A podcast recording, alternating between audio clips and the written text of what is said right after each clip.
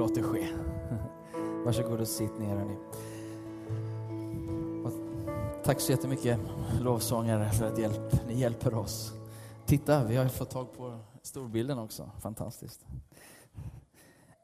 Och eh, välkommen till Citykyrkan om du är här för första gången så är det särskilt roligt att du är här. Och ehm, eh, Paul heter jag, eh, eh, en av pastorerna här i församlingen och vi har en serie som vi är inne i som heter En, världs, en ny världsbild baserad på trosbekännelsen.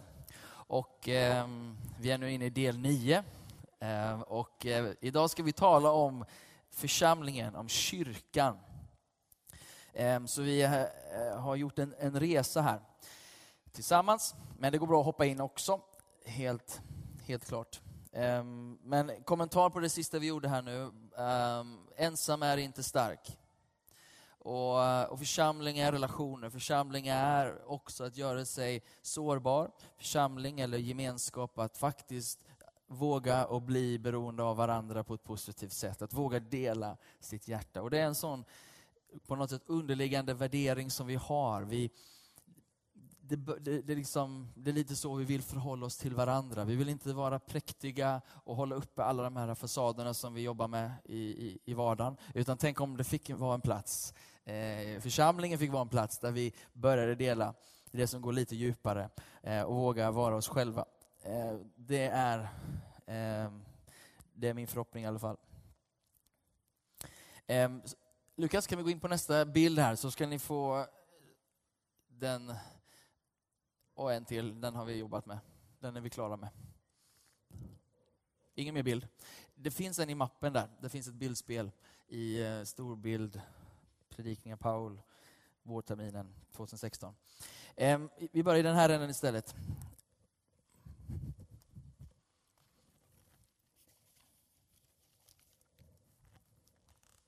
Förra gången, del 8, handlar om helig ande.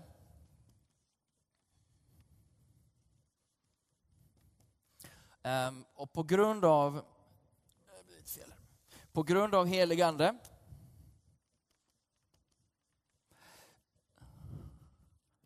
um, så får vi vad vi nu är inne i, helig, en helig kyrka. Ehm, det som står i trosbekännelsen är en helig, universell, allmännelig, eller ibland insatt katolsk kyrka som eh, för oss protestanter och frikyrkliga gör oss lite nervösa. Ehm, eh, vi tror på en helig katolsk kyrka. Och eh, den begreppsförvirringen kan skrämma oss. Ehm, jag ska kommentera alldeles strax. Helig kyrka, och det som också kommer i samma sats här är heligas gemenskap. Vi ser det alldeles strax på storbilden när den kommer fram.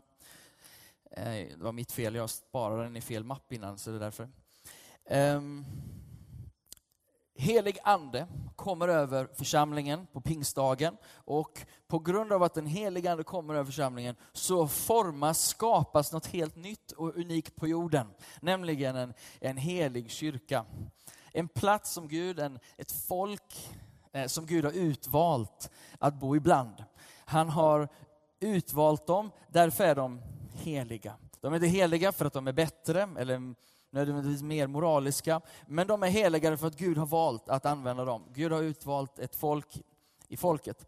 Ehm, och den kyrkan är de heligas gemenskap. Eh, jag tänker mig att de två satserna hör ihop. Tittar man på formuleringarna ni, ska få lite, ni får lite teologi, så lite grund först, och sen så ska vi försöka tillämpa det här på vår världsbild. Men för när vi säger att jag, vi tror på den heliga Ande, vi tror på en helig allmänlig kyrka och de heligas gemenskap, så gör vi en en kraftfullt statement. Vi gör ett kraftfullt statement. Vi, vi påstår någonting som får hela jorden att skaka faktiskt. Inte bara det synliga, utan även det osynliga. När vi påstår det här och när vi bekänner oss till det här, då bekänner vi oss till det Jesus sa i Matteus kapitel 16, och vers 18. Nämligen att församlingen kyrkan är den kraftfullaste institutionen, platsen, gemenskapen på jorden. Det finns ingenting som kommer att övervinna den platsen. Eh, och mm, på grund av att den heliga Ande har kommit över oss.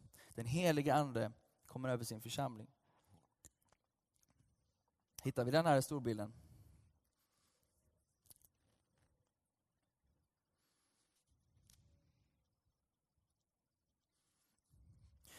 Det vi sa förra gången, utifrån apostlagärningarna, för övrigt så kan jag säga det här att vi har haft en ledarkonferens precis här.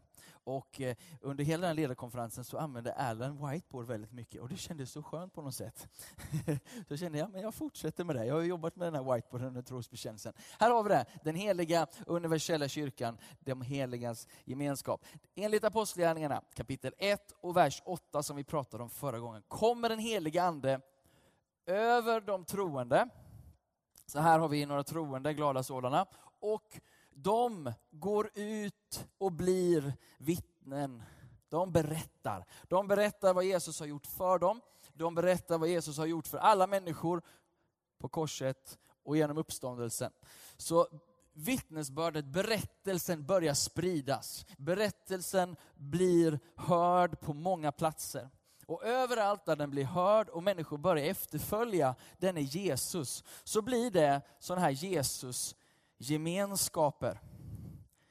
För det är inte människor vi följer, utan det är denne Jesus som fascinerar oss. Citykyrkan hålls samman på grund av Jesus. Jesus är honom vi följer, Jesus är honom vi tillber. Det är hans närvaro som är i centrum. Och överallt där lärjungar nu då, som följer Jesus samlas, så uppstår det här. Då uppstår kyrkan. Då uppstår de heligas gemenskap som blir en kyrka. Och jag är ju väldigt färgad av de här tre dagarnas ledarkonferens nu. För det enda som har hänt, eller det vi har jobbat med under tre dagar, det är att i viss mån bryta ner väldigt mycket av det som vi har tänkt är kyrka. Hur många tänkte på morgonen idag, jag ska gå till kyrkan? och tänkte då på den här byggnaden till exempel. Eller hur? Men var i Nya Testamentet står det att byggnaden är kyrkan? Inte någonstans. Eller hur? Det är ju inte så. Det fanns ju inga gripande kyrkobyggnader på Nya Testamentet. Det fanns ju inte ens. Ändå fanns kyrkan. Kyrkan finns utan byggnad. Ändå går vi till kyrkan och vi är i kyrkan på söndagen och sen vet jag inte vad vi pysslar med resten av livet. Vad, vad, hur, hur, tillämpar vi det här? Och jag, jag, känner för min egen del att det här någonstans har varit en, på, jag har sagt det många gånger, du har aldrig gått, du går inte i kyrkan utan du är kyrkan. Men likväl så är det som att hela min uppväxt och hela min förståelse av det, den bara uh, vill ha in oss i den här gripande byggnaden. Och hela min tendens är att vilja se fina fulla rader med människor som lyssnar på mig eller någon annan och så tillber vi och så blir det härligt och så har vi kyrka. Jag vet inte, är det din tendens? Ja, och, och, och, jag är medveten om att det här är liksom inte, eller det här har varit någonstans, men det, det, dragningen dit är enorm. Hur som helst så tror jag att vi som Citykyrka, eh, vi är på en resa, det här är inte helt nytt för oss, men vi kommer behöva jobba med det här. Vi kommer behöva eh, på riktigt utmanas i det här. För så som det började, anden kom över, lärjungarna de gick ut och det formades Jesusgemenskaper. Och de Jesusgemenskaperna blev kallade för kyrka. Det var kyrka. Så vi behöver, vi kommer att gå en resa tänker jag mig, där vi inte bara blir kyrka här inne, utan vi blir kyrka i hemmen och vi blir kyrka på kaféer. Vi blir kyrka ute i Stockholm. Vad ska vi göra här då? Ja, vi samlas ju här med för träning tänker jag. Jag tänker att vi, vi samlas här med för att Guds folk kommer tillsammans och någonstans tillsammans så uttrycker vi någonting som vi inte kanske gör i ett hem. Men, men ett stort problem är, jag, jag vet inte om vi ska göra det här nu för det tar nog lite för mycket tid, men jag lekte med tanken att faktiskt låta oss här inne samlas som citygrupper. Jag tänkte så här, var har vi våra citygruppsledare? Får se dem. Och se hur många av oss som inte rör oss i, i hemmen som kyrka, utan så många av oss som rör sig bara i kyrka som kyrka. Jag bor här i kyrkan.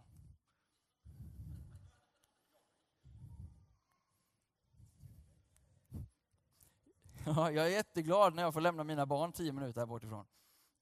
Och, och de föräldrar som jag får lära känna där, det, det ger mig sånt liv. Så jag är heligt avundsjuk på alla er som, som får inte bo i kyrkan och leva i kyrkan. Och, och, och det, det, det, är ju så, det är inte superlätt att bryta sig ur den här bubblan. Men vi måste göra det. Vi måste bli kyrka på riktigt. Vi måste bli kyrka som det var. För att den här världens skull. För det är därför vi är här. Gemenskap tänker vi om någonting som vi gör kring ett kaffebord. Va? Och det är så. Men gemenskap, du vet det här ordet koinonia som det är på grekiska, det, det är ett kraftfullt ord alltså. Eklesia som är det grekiska ordet för kyrka, det är ett kraft, ups, kraftigt ord. Det finns två huvudsakliga ord i Nya Testamentet som beskriver kyrka. Allting handlar om ett folk som är utkallat för ett särskilt syfte. När Jesus säger att Petrus i Matteus 16 och 18, där han säger att jag ska bygga min församling på dig och på den uppenbarelse som du just sa, att Jesus är Messias, Guds son. Den uppenbarelsen ska bli den nya Guds eklesia på jorden. Vad är eklesia för någonting? Jo, det var, en, det, det var väldigt tydligt för dem vad Jesus pratade om. Eklesia var de, de röstberättigade i staden. Erland sa att det var de äldste i staden och det, därom det är nog lite tvist, men det, det, jag har läst, jag vet inte om någon annan teolog kan bekräfta eller dementera, men de röstberättigade i staden kallades samman och blev en eklesia. Som, som hade liksom makten i staden att fatta de militära besluten, utvälja ledare och se till att det var ordning i staden. Och när de eklesia hade utvalt sina äldste så satte de sig, vart då? Jo, i porten till staden. Så om du har Bibeln med dig och vi går till Matteus kapitel 16 och 18. När, när Jesus säger det han säger till dem så är det ett sånt statement. Jesus säger att, vänder sig till den här Simon, Jonas son. Och han säger, jag säger dig, du är Petrus och på denna klippa ska jag bygga min eklesia. Jag ska bygga mitt, mina röstberättigade, de som jag har utvalt och lagt min, min röst i, mitt, mitt budskap i, de ska jag kalla samman. Och den församlingen ska helvetets portar inte få makt över. De utvalda, de lärjungar som kommer samman, de ska inte, för det här är ju väldigt viktigt att vi förstår att han pratar om portar. Helvetets portar ska inte bli församlingen övermäktig. Den heliga kyrkan och helvetets portar. Vad är en port för någonting? Är det någonting du går in igenom eller ut? Och den som sitter i porten kan säga, Välkommen eller inte välkommen. Helvetets portar är oerhört... De står va? Vilka är det som rör sig? Vilka är det som är offensiva? Jo, det är det Jesus säger till sina lärjungar. Det är tid att vara offensiva. Och en sak ska ni ha klart för er, att när ni rör er in i portarna, då kommer inte helvetets makter, det vill säga mörka krafter, kunna stå emot er. Det låg en hel förväntan i att eklesia var inte något bevarande, utan någonting sändande. Hela tanken kring eklesia var att nu ska ni gå ut. Och oavsett vilka portar ni möter så ska de inte kunna vara er övermäktiga i Stockholm, det finns inga portar som är ogenomträngliga för oss. Jesus har kallat oss samman, inte för att sitta här och klia varandra i nacken. utan för att bli utsända överallt i den här gripande staden. I varenda grannskap, i varenda, arbetsplats och skola så är vi satta att vara lärjungar, en eklesia av utvalda som någonstans bara säger här ska Guds rike bryta fram nu. Nu är det dags för Guds rike att bryta fram nu. Och då säger Jesus själv, han har två tillfällen han pratar om församlingen i alla fyra evangelierna. Ett av tillfällena, när han nu väl säger någonting om församlingen, då är det det här han säger. Och en del man kan vinkla det och säga, men för Jesus pratar inte så mycket om församlingen så det är inte så viktigt. Men det står mer än hundra gånger i Nya Testamentet och allt detta är Guds ord, så det är viktigt. Men när Jesus pratar om församlingen så pratar han om den som en rörelse ut i världen som ska möta portar med vetskapen om att mörkret kommer inte stå dig emot. Det är det Jesus säger om oss. Men vi och jag, kyrkråtta eller inte, vi har en tendens här. Och du kanske känner att du är superupplyst och det kanske jag också känner, men jag kan säga att det är starka gummiband i mig som vill tillbaka till den här plattformen, till de här fina raderna, de här hårda bänkarna. Och vi har systemfel. Vi tränar oss att sitta, lyssna, ha några få istället för att vara en skara som är sända med vetskapen om att vi är eklesia. Vi är Herrens utvalda. Eklesia består av två grekiska ord. Ek, klesia. Ek betyder ut, klesia betyder kallad. Alla i församlingen är utvalda och kallade att bära det här uppdraget. Koinonia, som är det grekiska ordet här, används alltid i ett syfte. Koinonia som vi ska ha här uppe, vi kallar det varje söndag och det är jättebra att vi äter mat. Och vi har gemenskap och vi bryr oss om varandra och vi vill ta hand om varandra. Men vi måste ändå komma ihåg att det är för ett syfte. Det är för ett syfte.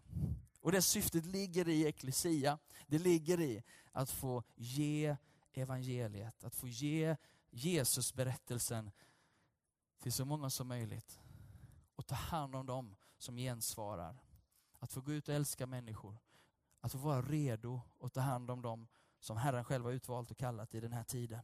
Så att de i sin tur kan gå till nästa generation. Så att de i sin tur kan gå till nästa.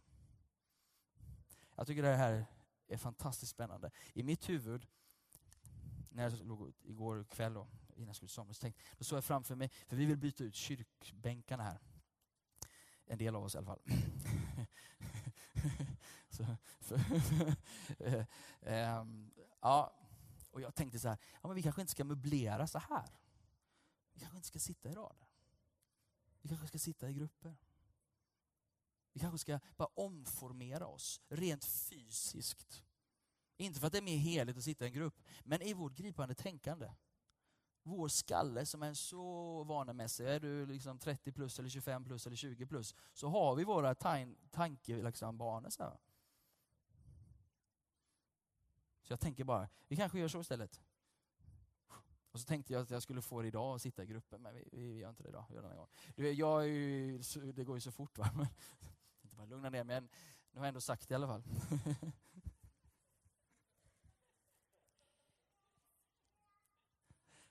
Jag sa så här till Alan Hirsch som vi var, hade nu i, helgen, eller i veckan. Jag sa, kan du hjälpa oss? Kan du hjälpa mig? Jag vet mina tendenser. Jag är en vanemänniska. Vet du vad jag äter på måndag morgon till frukost? Gröt med socker på och mjölk till. Vet du vad jag äter på tisdag morgon? Gröt med socker på och mjölk till. Vet ni vad mina barn äter? På måndag morgon äter de gröt. Caspian får ingen socker på, ingen salt i gröten. Han får lite olja istället. Är det för att det är vetenskapligt? Nej, det är bara för att jag är en sån vanemänniska. Då vet jag. Då går det fort. Alla vet vad de ska göra. Damp, damp, damp, damp, damp, damp, damp. Så på 25 minuter så kan jag gå upp, hinna duscha, sätta på gröten under tiden. Eh, barnen stirrar lite, jag ser till att de har tagit på sig kläder liksom, och sen så på med kläderna och byta blöja på Caspian och sen sitter vi där tjup, tjup, tjup, och på 25 minuter så kan jag gå från sängen till att vara klar till dörren. När det inte funkar. När det funkar menar jag. Så jag på något sätt försöker hitta en ursäkt för då min vana liksom, grej. Va? Vi måste bryta vanorna, vi måste hitta nya sätt. Och då tänker jag att det krävs, det räcker inte bara att leva i sin egen lilla bubbla och värld. Jag, vi, jag, jag behöver hjälp. Vi behöver hjälp. Vi behöver den heliga Ande framförallt och vi behöver Guds ord framförallt. Vi behöver komma tillbaka till de enkla sanningarna om att Jesus samlade sina lärjungar. Sen sände han ut dem två och två.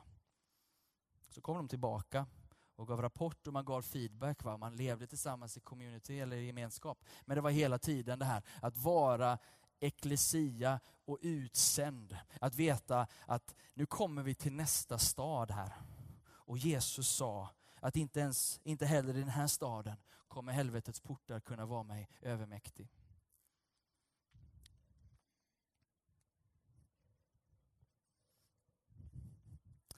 Halleluja. Prise Gud alltså. För, för, för den här stadens skull för den här världens skull. Så, så jag menar, det är jättekul om vi fyller den här kyrkan. Well done liksom. Oh Paul, you have such a great ministry. Det är inte värt det. Det är inte värt det någonstans. Men om vi kunde fylla den här kyrkan med 600 ledare som var och en av dem går och utmanar några portar någonstans. Då, då är det glädje. För då har var och en av oss blivit producenter, om man ska uttrycka det på något sånt klassiskt church growth. Men var och en har fått bli lärjungar. Vi får vara lärjungar som blir sända och som går ut och utmanar de här portarna i den här staden. Stockholm ska ju inte vara den mest sekulariserade staden i världen så länge vi är här. Eller? Och det är så svårt här och det är så jobbigt här. Ja, men Jesus säger ändå att, att, att, att eh, skördefälten är vita. Och problemet är inte med skörden, utan problemet är med... Vad är problemet? Vad är problemet? Och här sitter vi idag, 250 stycken. Eller hur? Eh, jag höftar lite nu här, jag är ifrån mina anteckningar. Men hur som helst, Johannes evangelium kapitel 17. Höftar betyder jag delar mitt hjärta.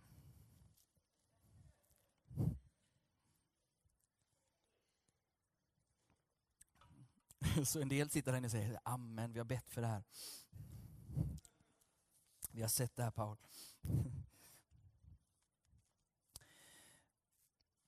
Johannes 17 är intressant för där ber Jesus för, för sina lärjungar. Och, och det är några nyckel, nyckelgrejer han ber. Om du om går kapitel 17, vers 9 Ehm, så, så har vi det här med eklesia, tanken att, att Gud har utvalt några för att ha ett uppdrag att nå nästa. Eh, det står så här, jag, han ber för de här lärjungarna, det är inte för världen jag ber utan för dem som du har gett mig. Eftersom de är dina. Det finns några som, som Fadern har, har gett Jesus. Och vet du vem det är? Det är du och jag. Det är vi. Just nu är det vi. Inte på bekostnad av någon annan, men just nu är det vi. Och han ber för oss. Och vad är det han ber för någonting och vad syftar det? Han, han pratar om att vi ska vara ett.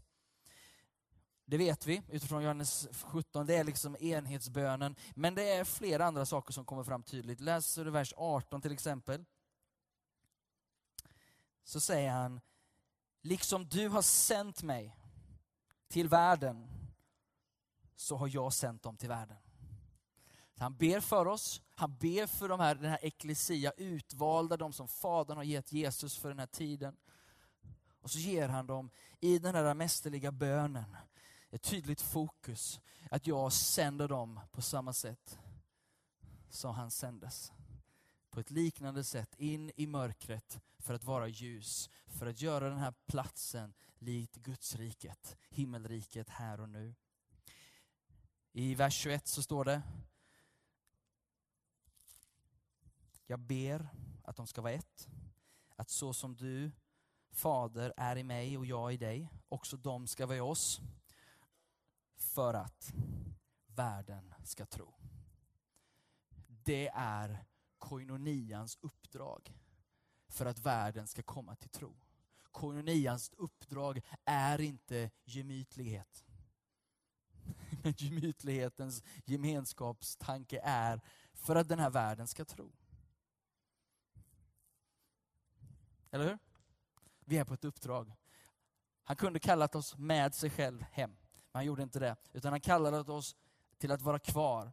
Han säger att jag kallar dem inte ur världen. Eller hur? Han säger så i eh, vers 15. Jag ber inte. Nu är, det fa, nu är det sonen som talar till fadern. Liksom. Det är, det är en ganska intim bön här. Det är en ganska kraftfullt bönemöte här. Jag ber inte att du ska ta dem ut ur världen. Han har bett att du inte ska lämna världen. Han har bett att du inte ska isolera dig från världen. Det är Jesu bön. Och jag ser ett systemfel som vi gärna gör. Och det är att vi går ut och outreach eller vi går ut och, och, och vinner människor eller delar evangeliet. Och så tar vi dem in i kyrkan och så gör vi dem till kyrknötare, bänknötare. Vi, vi, vi liksom tar dem in i en ganska passiv gemenskap. Men Jesus säger, gå ut.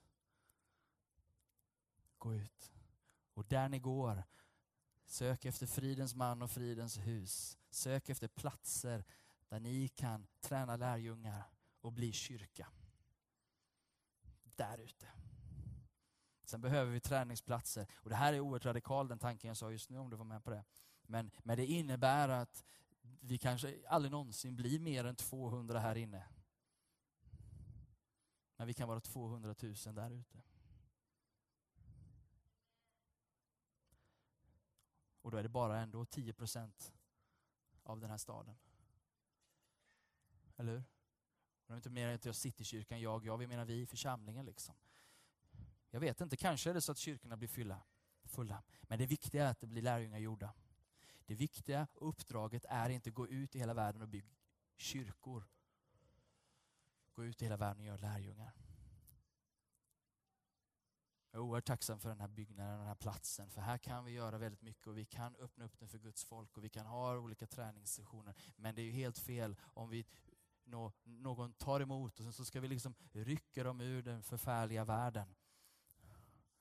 Istället för att du och jag går till dem och styrker dem och hjälper dem där de redan är.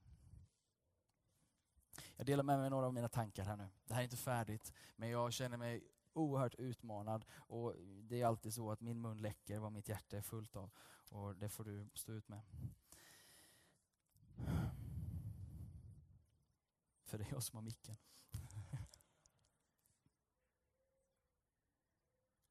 Um, Ulrika, du får gärna, och teamet får gärna göra er redo.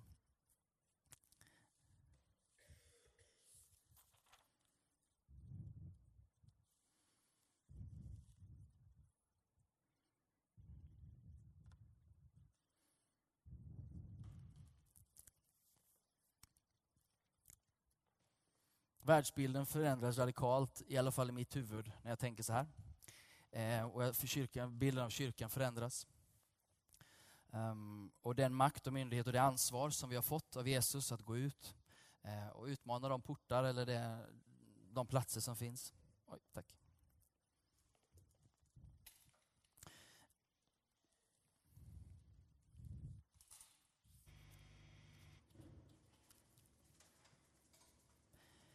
För min egen del känner jag att, att det, det, finns inte någon riktig väg tillbaka in i det här.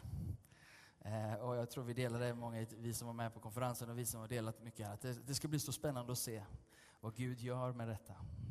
När vi vågar släppa taget.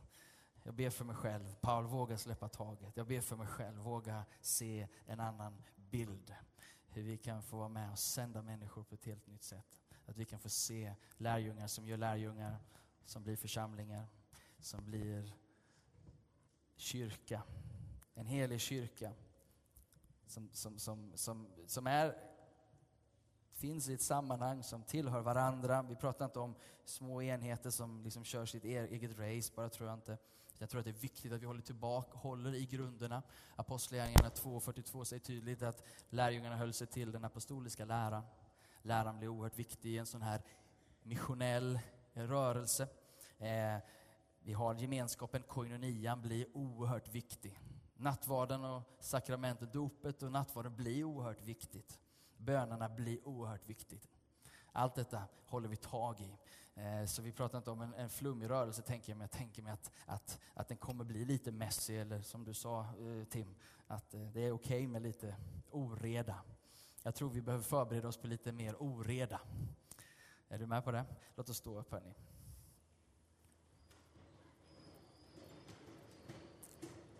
Kan få, ehm, få spela lite i bakgrunden.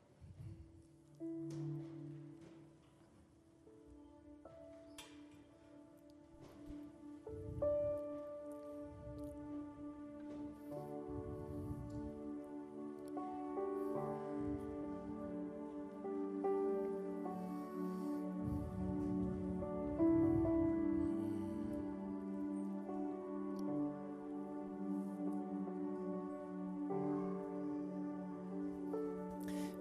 kanske har kommit till kyrkan idag. Nu har jag pratat mycket om kyrka och församling och du kanske är, är ny till allt det här.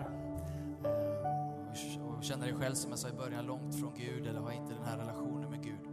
Eh, idag så kan du också få ta ett steg närmare Gud. Ta ett steg på grund av det Jesus gjorde på Golgata, på grund av det Jesus har gjort för oss, så får vi möjlighet att komma tillbaka till pappa Gud, vår skapare.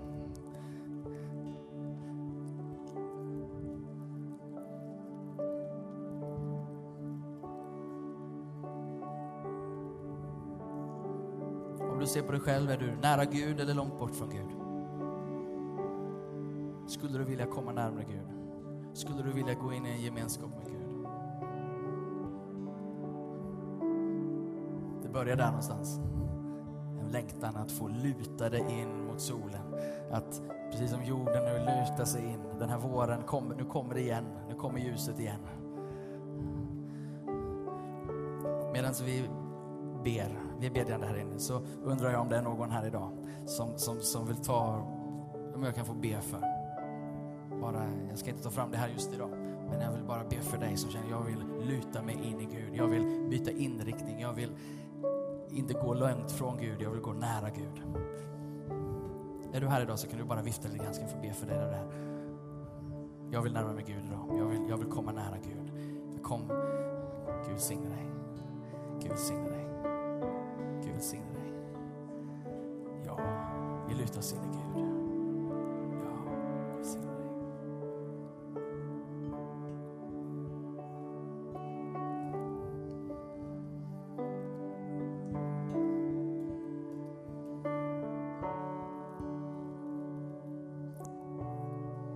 Tackar dig för våra vänner Gud, som sträcker sin hand mot dig just nu, som vill in i Guds gemenskap på ett djupare sätt, att få vara nära dig Fader. Jag ber för dem som idag känner att jag är långt från Gud, men jag vill komma nära Gud. Och det finns ett svar på det, och hans namn är Jesus. Jag skulle vilja utmana dig att, få följa, att du skulle börja följa Jesus. Börja läsa evangelierna, börja själv följa Jesus. Följa Jesus och tillsammans med oss andra troende följa Jesus.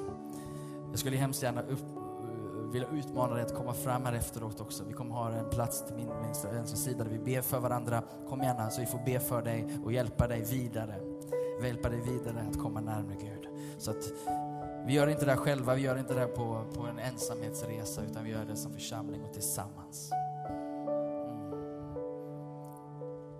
Så Fader i himlen, tack att du omsluter dem just nu i din godhet, i din närvaro, i din kärlek, Herre. Tack att du genom Jesus har sträckt ut den räddande handen och du räddar oss både från oss själva och allt det mörker som vill hålla tag i oss. Tackar för att du har övervunnit helvetets portar, mörkrets portar, ondskans portar äger oss inte längre för du har besegrat det alltihopa. Tackar dig för att vi får ta emot den frihet som finns i Sonen, i Jesus. Och jag ber för våra vänner att de skulle få uppleva den friheten, att de skulle få vandra i den friheten i gemenskap med dig Gud.